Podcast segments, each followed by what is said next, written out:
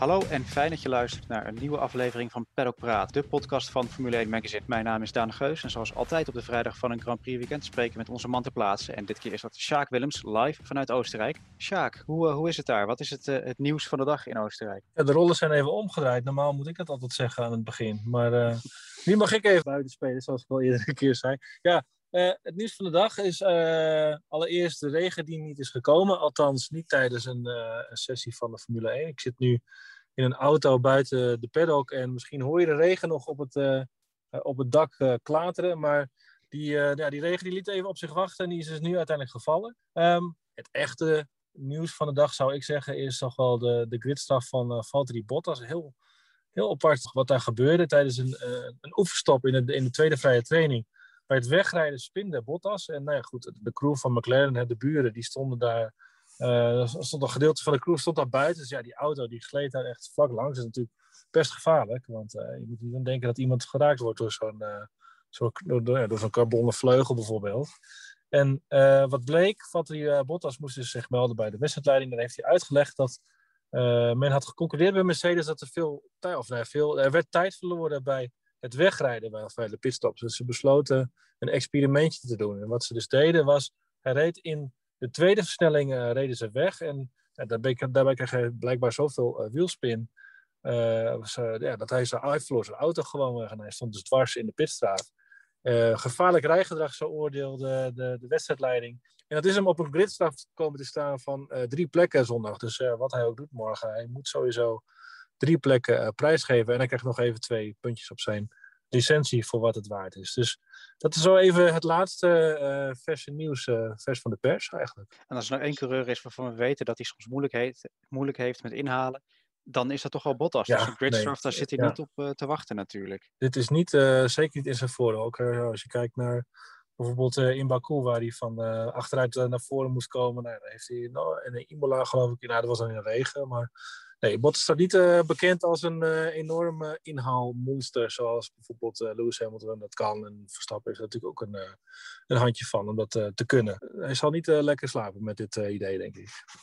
Misschien ook niet lekker om te weten voor Bottas voor hij gaat slapen. stond de twaalfde op de tijdenlijst. Uh, van mm -hmm. VT2. Uiteindelijk zagen we daar Max Verstappen bovenaan. Uh, Hamilton die was vierde. Maar er valt wel een uh, ja, behoorlijke kanttekening bij te plaatsen volgens mij nog. Of niet, Sjaak? Ja, het was vooral track limits galorig was het. Uh, ik heb ook s ochtends uh, bij de eerste sessie heb ik uh, bij de bochten 9 en 10 gestaan. Dat zijn die twee hele snelle, razendsnelle doordraaiers naar rechts. Het is spectaculair om te zien zo van dichtbij. Je, de, de, de grip en de, en de snelheid, de downforce, het is wel echt indrukwekkend toch om dat weer zo van dichtbij te zien.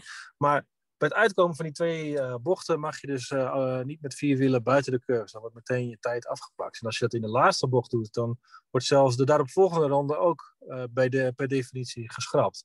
Vele coureurs die, die maakten zich daar schuldig aan. Ik geloof dat er in de eerste sessie 16 rondetijden zijn geschrapt. En dat waren er in de tweede sessie toch nog echt wel meer. Ik denk dat men echt de grens aan het opzoeken was.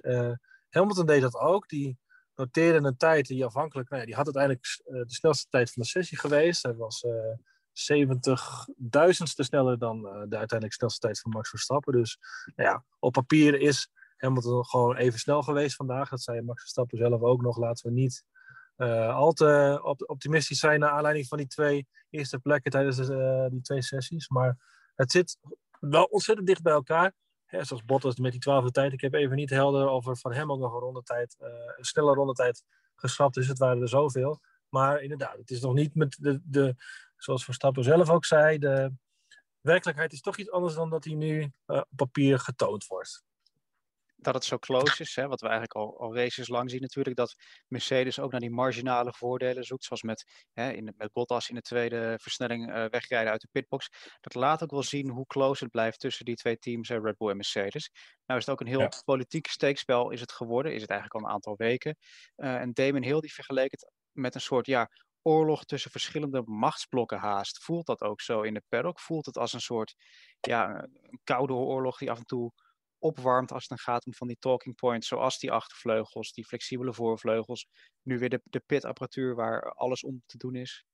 Ja, ja het, ik, het is wel grappig om dat inderdaad zo vanaf de zijlijn te volgen. Het was natuurlijk in Paul Ricard had, was Christian Horner dan weer even de lachende derde. Payback voor het achtervleugelgedoe. nu gaan wij jullie op die voorvleugel pakken. En toen was daar ineens een, het nieuws over inderdaad het materiaal wat bij pitstops gebruikt wordt. Het is nogal ja, technisch. Een, een, een, een ingewikkeld verhaal. Uh, het komt er geloof ik, als ik dan moet ik het goed zeggen, op neer dat uh, uh, om bovenmenselijke pitstoptijden te voorkomen, hè, de VIA geloofde bijna niet dat die pitstoptijden van onder de twee seconden van waar, waar Red Bull zo om bekend staat, mhm. dat, dat kan eigenlijk niet, vond VIA. Dus nu hebben ze in iedere regel ingevoerd dat de sensor die in de band die communiceert met, het, met de wheelgun, dat daar een soort vertraging op komt te zitten. Zo, dat het langer duurt voordat het signaal gegeven wordt, deze band zit vast. Nou ja, dat zou uiteindelijk dan 1 tot 2 tiende tijd moeten kosten. Ik heb trouwens al heel erg het gevoel dat Red Bull gaat die uitdaging aan om alsnog onder die 2 seconden eh, te komen. dat, nou goed, dat, dat terzijde. Maar ja, wat ik zei, wat wel, wel grappig was vandaag, Toto Wolf en uh, Christian Horner zaten dan samen gebroedelijk in de persconferentie van de teambazen. En toen werd Toto Wolf ook gevraagd van, nou, komt het uit jullie hoek? Hebben jullie hier uh, aanzet toegegeven? Dat uiteindelijk dat dit, deze beslissing wordt genomen door de FIA. Dus toen zei hij ook toch al een beetje op zijn wolfs van...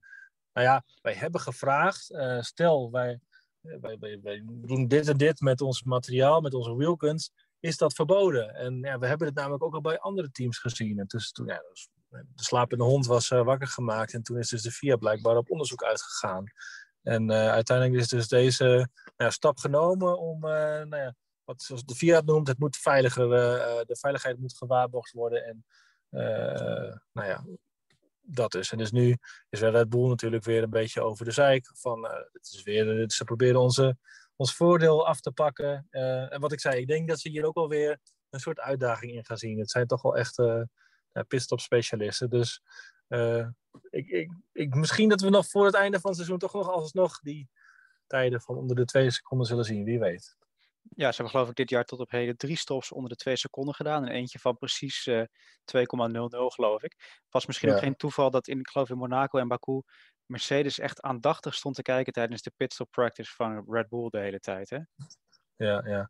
Ja, ja, ik denk aan de andere kant, ze weten dit natuurlijk ook al wel langer. Ze zijn ook niet gek. Ze weten alles van elkaar. Ik bedoel, alles wordt gefotografeerd. Alle, en het, het gaat niet alleen over vleugels en, uh, en, en, uh, en afstellingen en weet ik veel wat. Ze, ze, fotograferen ook gewoon elkaars materiaal. Ze willen natuurlijk constant van elkaar weten hoe ze, hoe ze alles aanpakken en of ze daar zelf ook beter van kunnen worden. Dus ja, dit is, de, dit, is de, dit is ook de strijd om de wereldtitel. Het gaat niet alleen op de baan, maar ook naast de baan en in de garages en waar dan ook. Waar, waar je je concurrent ook maar kan pakken, daar wordt uh, nou ja, alles al aangegrepen om, uh, om dat ook daadwerkelijk te doen. Ja, Max Verstappen werd daar ook uh, zijdelings nog een beetje naar gevraagd. Hè, over uh, dat spel wat dan zoveel afleidt van eigenlijk de strijd op, uh, op de baan. En hij zei dat hij ja. vooral eigenlijk een beetje moe werd van hoe Mercedes en Hamilton zo de underdog-rol zoeken. Ja, en dan, en dan vooral de, de snelheid op het rechte stuk waar Hamilton graag naar uh, refereert. Hè, als zijnde de reden waarom er in Frankrijk niet gewonnen werd.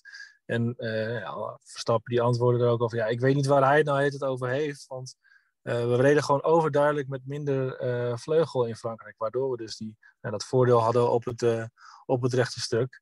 En Christian Horner vroeg Toto Wolf trouwens ook nog tijdens diezelfde persconferentie. Misschien kun je dat Hamilton ook nog even uitleggen hoe dat, uh, hoe dat precies zat. En waarop Wolf dan weer zei, ja, dit is de beleving van Hamilton geweest. En hij, nou ja, dat, dat was zijn lezing van alles. Maar goed. Verstappen was verder wel goed gehumeurd tot nog toe in, in Oostenrijk. Jij sprak hem één op één ook nog. hoe was dat? Ja, dat was vooral ook even met het oog op, op Zandvoort. Dat het natuurlijk over twee maanden losbarst.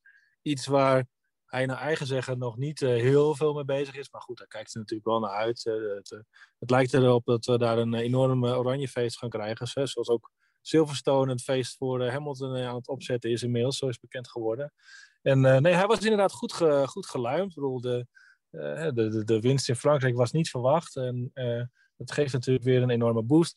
Al, hij, hij voegt er altijd wel weer aan toe, zoals we hem kennen. Het is geen garantie voor dit weekend. En we moeten, iedereen begint weer op nul en je moet het maar weer laten zien. En uh, nou goed, volgens mij ging het vandaag toch best, uh, toch best aardig. Dus uh, ja, morgen zullen we zien wat het allemaal waard is. Ja, en zaterdag valt ook op Formule1.nl geloof ik al een interessant inzichtje te lezen uit het interview met Verstappen, toch? Oh ja, ja ik heb hem nog even gevraagd naar zijn, ja, zijn kwalificaties vind ik dit jaar ontzettend sterk. In Monaco had hij eigenlijk een pol moeten hebben en in, in Baku net zo. Maar goed, daar werd hij dan uh, benadeeld door de rode vlag situaties. Ik vroeg hem naar of hij dat nu anders opbouwt, hoe dat precies gaat. En daar heb ik morgen nog voor morgen een stukje klaargezet. Dus dat kun je morgen inderdaad op formule1.nl lezen. Ja, nou zij Verstappen zelf geloof ik dat hij het liefste een droog weekend uh, heeft. Ik denk, uh, Sjaak, laten we eruit gaan zoals elke typisch Nederlands journaal met het, het weerbericht. Krijgt Verstappen dat droge weekend of wordt het toch uh, regenbanden weer? Ik zie, ik kijk even snel op mijn weerberichtje.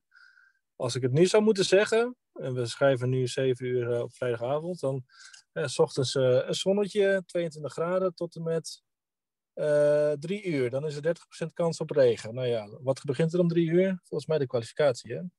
Ja.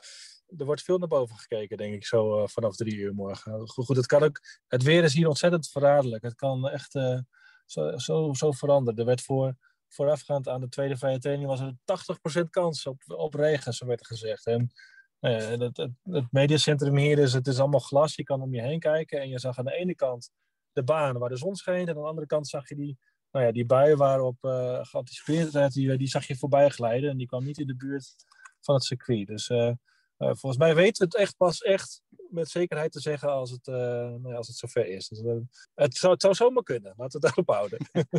ja, één ding is zeker. Als de regen niet tijdens de race valt zondag, dan valt hij wel direct na de race. Ja, zoals nu ook bijvoorbeeld. Ja, ja dat is toch een traditie inderdaad. Ja. Nou, laten we hopen dat het in ieder geval qua race een mooi weekend wordt, ongeacht wat het weer doet. Dat was het dan weer wat deze aflevering van Paddock Praat betreft. We zijn er natuurlijk maandag weer met de nababbel na de race. En dan ook Sjaak Willems weer vanuit Oostenrijk in de uitzending natuurlijk. Bedankt voor het luisteren. Formule 1. Paddock Praat.